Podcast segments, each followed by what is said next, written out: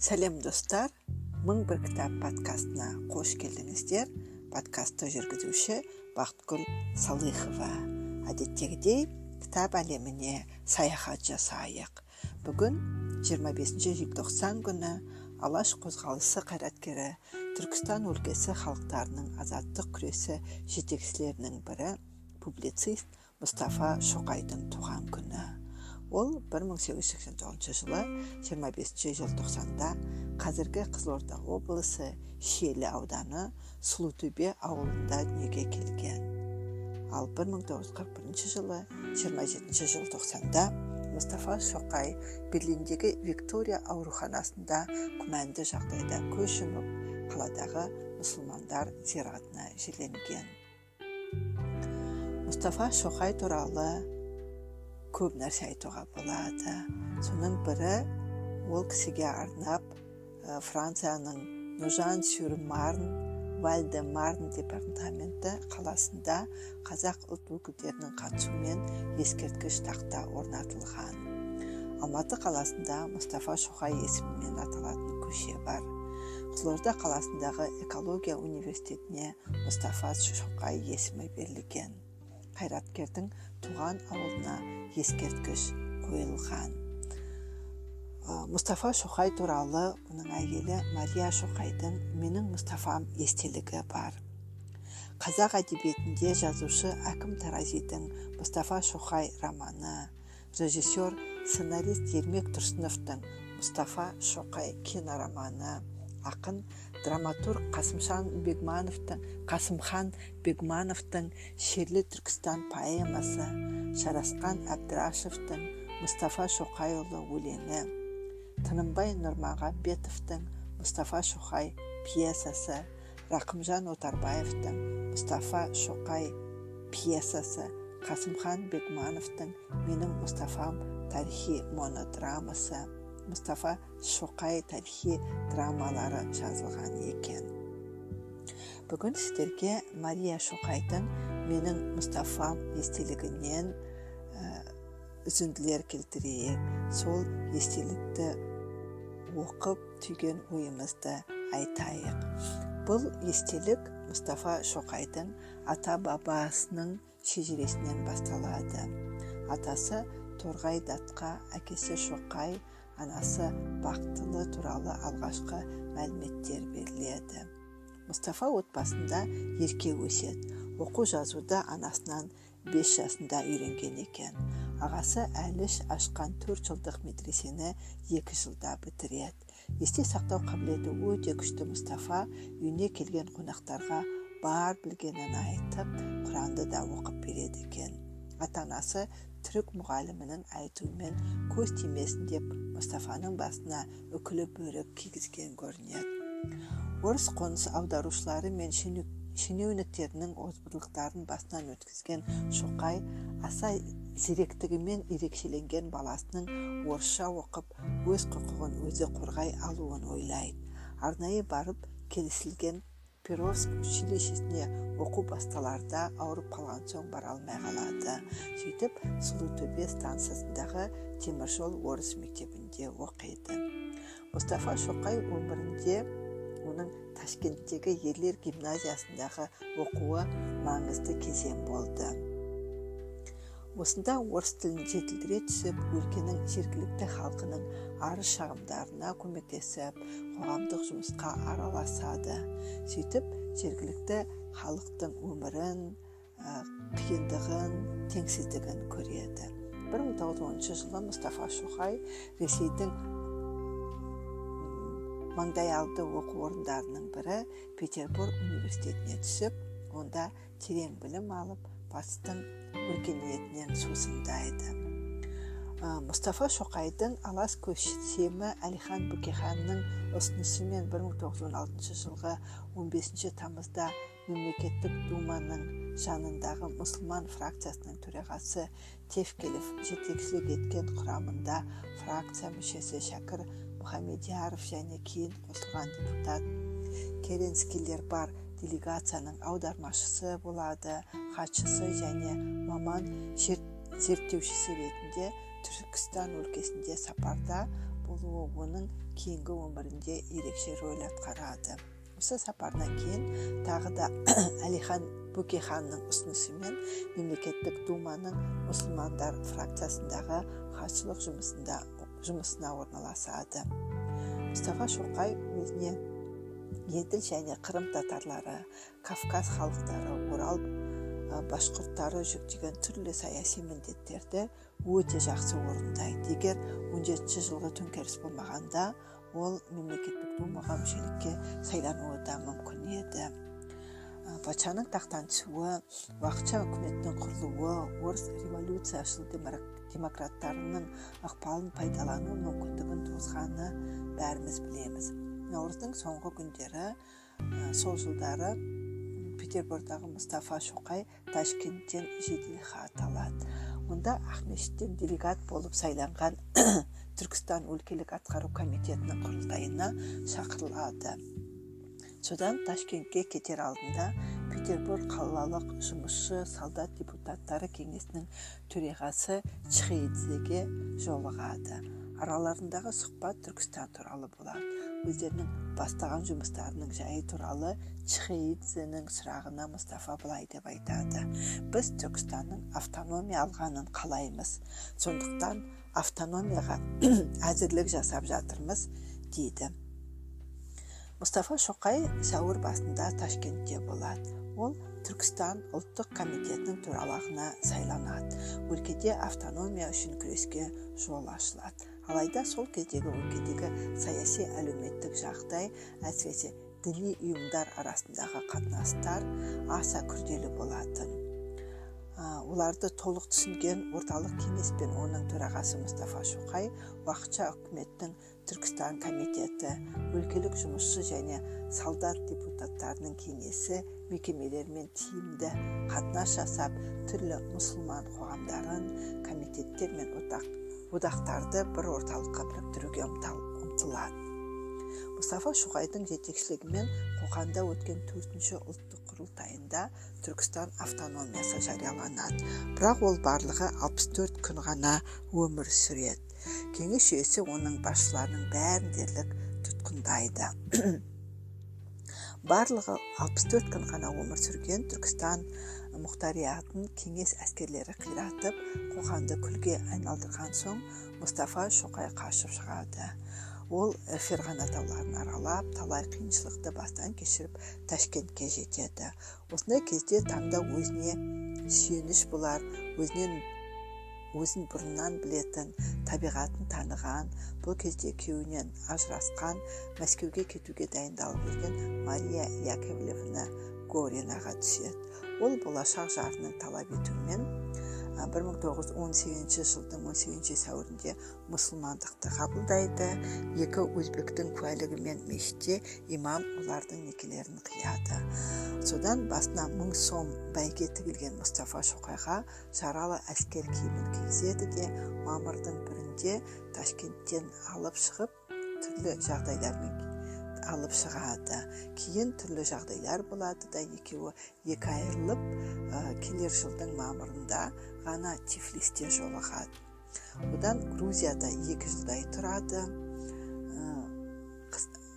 қызылдар әскері тифлисті басып алған соң түркия арқылы францияға жетеді осында 20 жылдан артық тұрып айрықша қажырлы саяси қызметі және ерекше шығармашылық жұмысымен әлемге танылады мария шоқай өз естелік кітабының алғашқы мұстафа шоқайдың саясатқа араласа бастауы және алғашқы саяси сабақтар деген шағын бөлімдерінде өзінің жары мұстафа шоқайды саясаткер ретінде бірсыпыра нақты сипаттап береді. Ол саяси қызметке араласқан алғашқы жылдарынан бастап ешбір партияға кірмей социализмнен алшақ демократ ретінде өз халқын жанындай жақсы көрген оның болашағына сеніммен қараған. Көзқарас көкжиегі кең болғандықтан өз ойын еркін жеткізетін пікірлесіп отырған жанның жүрегіне жол таба алатын қайраткер болған. Мұстафа шоқай көпшілікті басқару үшін саясат адамның тез шешім жасай алатын саяси сауаты қатал мінезі болу керек деп түсінген. Бұған оның мұстафа кемалға таңғалып оны биік санауы түркістан үшін осындай реформашы болса деп тілеуі де дәлел болады. Ал мұстафа шоқай саясаткер атты бөлімде жалпы саясат адамының соғысты жақтаушылар және бейбіт өмірді қуаттаушылар болып екі түрлі болатынын ал мұстафа бейбіт саясатты қолдаушы еді дейді. Сондықтан ол халықтардың федерация ішіндегі бауырластығын өз мемлекетінің егемендігін азаттығын арман еткен. Осындай себептермен түркістандағы кеңестік кезеңдегі тірліктердің бәрінің басында жергілікті халықтың өздері болғанын қалаған ол мемлекетте жаман халық жоқ жаман адамдар бар деген сөзді жиі айтады екен. Осы сәтте мұстафа шоқайдың мен халыққа қарсы емеспін халықты басқарып отырған басшыларға қарсы сөзбен күресудемін дегенін де еске түсірсе болады. Мария шоқай алғаш рет аты әлемге танылған тұлғаның табиғи жаратылысына рухани дүниесіне терең зер салады. Үлкен жүректі терең сезімді қарапайым жанның сонау еуропаның ортасында жүріп елін сағынған сәттері шебер жазылған. мұстафа шоқайдың жан дүниесін аша түсуімен құнды түрлі мысалдар келтірілген кітапта. Парижге барған алғашқы жылдар шоқай отбасына аса ауыр болады. Күнелтудің қиыншылығы күнделікті тірліктің таусылмайтын күймені күйбеңі оларды әбден қажытады мария шоқай ауырып қалады да 1923 жылы германияда қатты инфляциялық жағдайды пайдаланып алты айдай берлинде тұрады. Сол кезде жазылған және жалғыз қалған адам түрлі ойға қалады. Көбінесе ойларым мені ауылыма жаман ниетпен істемесем де моральдық азап шегулеріне өзім себепші болған жақындарыма жетелейді деп үлкен күйзеліспен басталған хатта мұстафаның отбасына ағайын туыс жақындарына деген көңіл күйі әдемі берілген. Мен үшін ең қымбатты ең ең жақын адамдардың көбі бұл күнде арамызда жоқ. Мен олардың ешбірімен соңғы рет араздасып қоштаса алмадым. Егер сен біздің туыстар арасындағы қатынастарды білген болсаң менің қайғымның қаншалықты орынды екенін шын мәнінде орны толмас екенін түсінер едің деп жазады ол хаттарында. Не болмаса көз алдыңда ұлы мен немересінен бірдей айырылып әрі сүйікті ерке ұлы мен ұлы мен де қасында болмаған қарт анамның қалай қайғырғанын кім білсін? Ол менің өз анам емес екенін алайда оны өз анамдай жақсы көретінімді сен әрине білесің. Ол идеал ана болатын деп жазады анасы туралы. Ал бауырының яғни сыдық ағасын айтып отыр. Бауырымның менімен көрсе алмай көз жұмғанын ойлаудың өзі мен үшін қаншалықты ауыр деген жолдар хат иесінің адами болмысын туыстық ықыласын бауырларына деген сүйіспеншілігін махаббатын айқын көрсетеді. Сондай ақ мұстафа шоқайдың елге деген өзгеше сағынысын мына оқиғадан да көруге болады. 1922 жылы париждегі трокадеродағы этнография музейінде болғанда мұстафа сонда тұрған домбыраны қызметкерлерден сұрап алып құлақ күйін келтіріп әсем қазақ күйін орындайды да сосын аспапты орнына қояды. Жүзі жабырқау тартып шанары жасқа толады. Мария шоқай мен алғашқы және соңғы рет мұстафаның көз жасын сол кезде көріп едім деп жазады. Естелікте мұстафа шоқайдың саясаткерлік қасиеттеріне де шынайы сипаттама берілген. Автордың жазуынша ол ешқашан өз мінезін түзетуден және оқудан жалықпаған. Сондай ақ ол біз барлық халықты құрметтеуге тиіспіз. Мемлекет үшін бір халықтың өзге халықтан айырмасы жоқ. Географиялық жағдайымыз да ресеймен достық және бейбіт қатынаста болуымызды талап етеді. Жаман халық деген жоқ. Жаман адамдар бар. Адамгершілігі мол мемлекет деген болмайды адамгершілігі мол адамдар болады деуі ойының терең екенінің көрінісі. Мұстафа шоқаймен араласқан әрбір адам оны сыйлайтын жеке қабілетін адами болмысын қастерлейтін. Түркістан халқының бірлігін аңсаған мұстафа шоқай бұл мақсатқа жетудің өте қиын екенін біліп әрдайым былай дейді екен. Біздің түркістан үшін ең қорқыныштысы халықтың бірлігінің болмауы. Өзіміздің әлсіз екенімізді мен білемін. Мен халқымның тыныштығын және бірлігін қалаймын дейді. Сол себепті ол өзінің саяси істерінде барлық күш жігерін түркістанда әлеуметтік реформа жасауға жұмсайтынын айтып біз қазір оқымасақ ешқашан тәуелсіз бола алмаймыз. Ол жолды бізге сырттан біреу әкеліп бермейді. Біз өзіміз бірте бірте мемлекет органдарын қолға алып өзімізді өзіміз басқаруға тиіспіз дейді екен.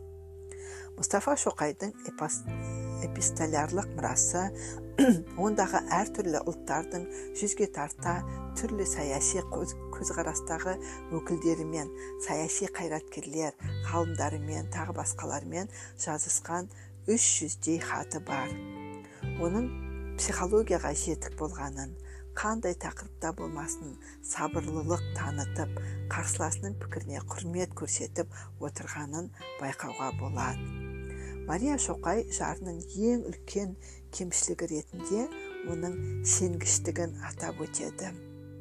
Осы сенгіштігінің кесірінен үлкен қиындықтарға да ұшырағанын жазған.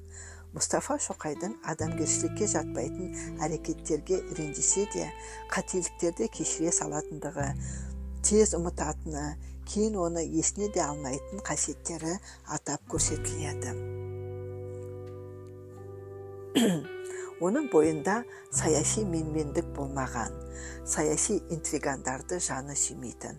Ал жағымпаздық ол үшін өзін өзі қорлай, қорлаумен бірдей еді дейді сондай ақ саяси саясат адамы ретінде мұстафа шоқай шен құмарлықтан да аулақ болған. Бірақ өзі қаламаса да алдыңғы қатарда болуға оны тағдыр мәжбүр еткен. Ол өз басым түркістан ұлттық қозғалысының құрылысына ең соңғы қарапайым қара жұмысшы мердігер болып қатыссам да өзімді асқан бақыттымын деп есептер едім деп жазады. Отанын жанындай жақсы көрген мұстафа шоқайдың оның келешегі мен тыныштығы үшін еш аянбайтын жан ретіндегі болмысы да өте әдемі көрсетілген. Өмірінің соңғы сәттерінде қырқыншы жылдарда соғыс кезінде ол үнемі түркістанның большевиктерден құтылуын армандап өткен. Алла елімнің тәуелсіздікке қол жеткізгенін көруді нәсіп етсе мен тек саяси үгіт ісімен айналысар едім. Жастар үкімет құрса мен елімнің тарихы және басқа өлке халықтары туралы кітаптар жазумен шұғылданар едім. Адамдар бір бірімен араласуы керек. Халықтар өзара білім алмасып бірін бірі терең танып және түсініп жарасымды қатынас дәрежесіне көтерілсе сонда ғана халықтар федерациясын құруға жол ашылмақ деп жазды.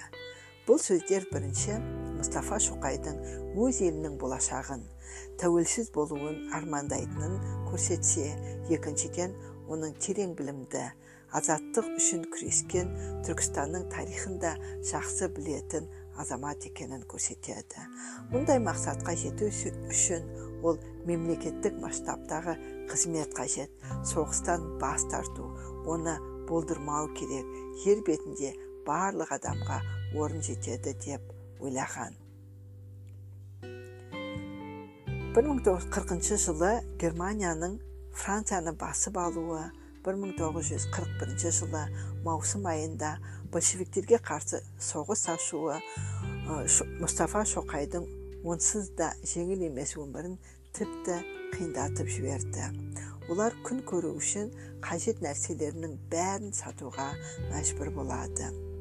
Яш түркістан 1939 жылы соғыс басталған соң жер жердегі абай нементтермен арадағы байланыстар үзіліп шықпай қалады. Енді мұстафа шоқай күндіз түні радионың жанында болып түрлі толқындардағы хабарларды тыңдап керекті жерлерін жазып алып отырады. Осы жайлар естелікте былай жазылады. Ол хабарларды тыңдау үшін қолынан келгенін істеп бағатын. Оның сол халін көзбен көрмесе сөзбен жеткізу қиын. Ұзақ толқындар мен қысқа толқындарды кейде неміс кейде түрік радиосын ауыстырып қойып жататын. Осылай соғыс мұстафа шоқайдың бар жұмысын тоқтатып тастайды бұрынғы тынымсыз тірлік үнеме үнемі асығып жүру артта қалады.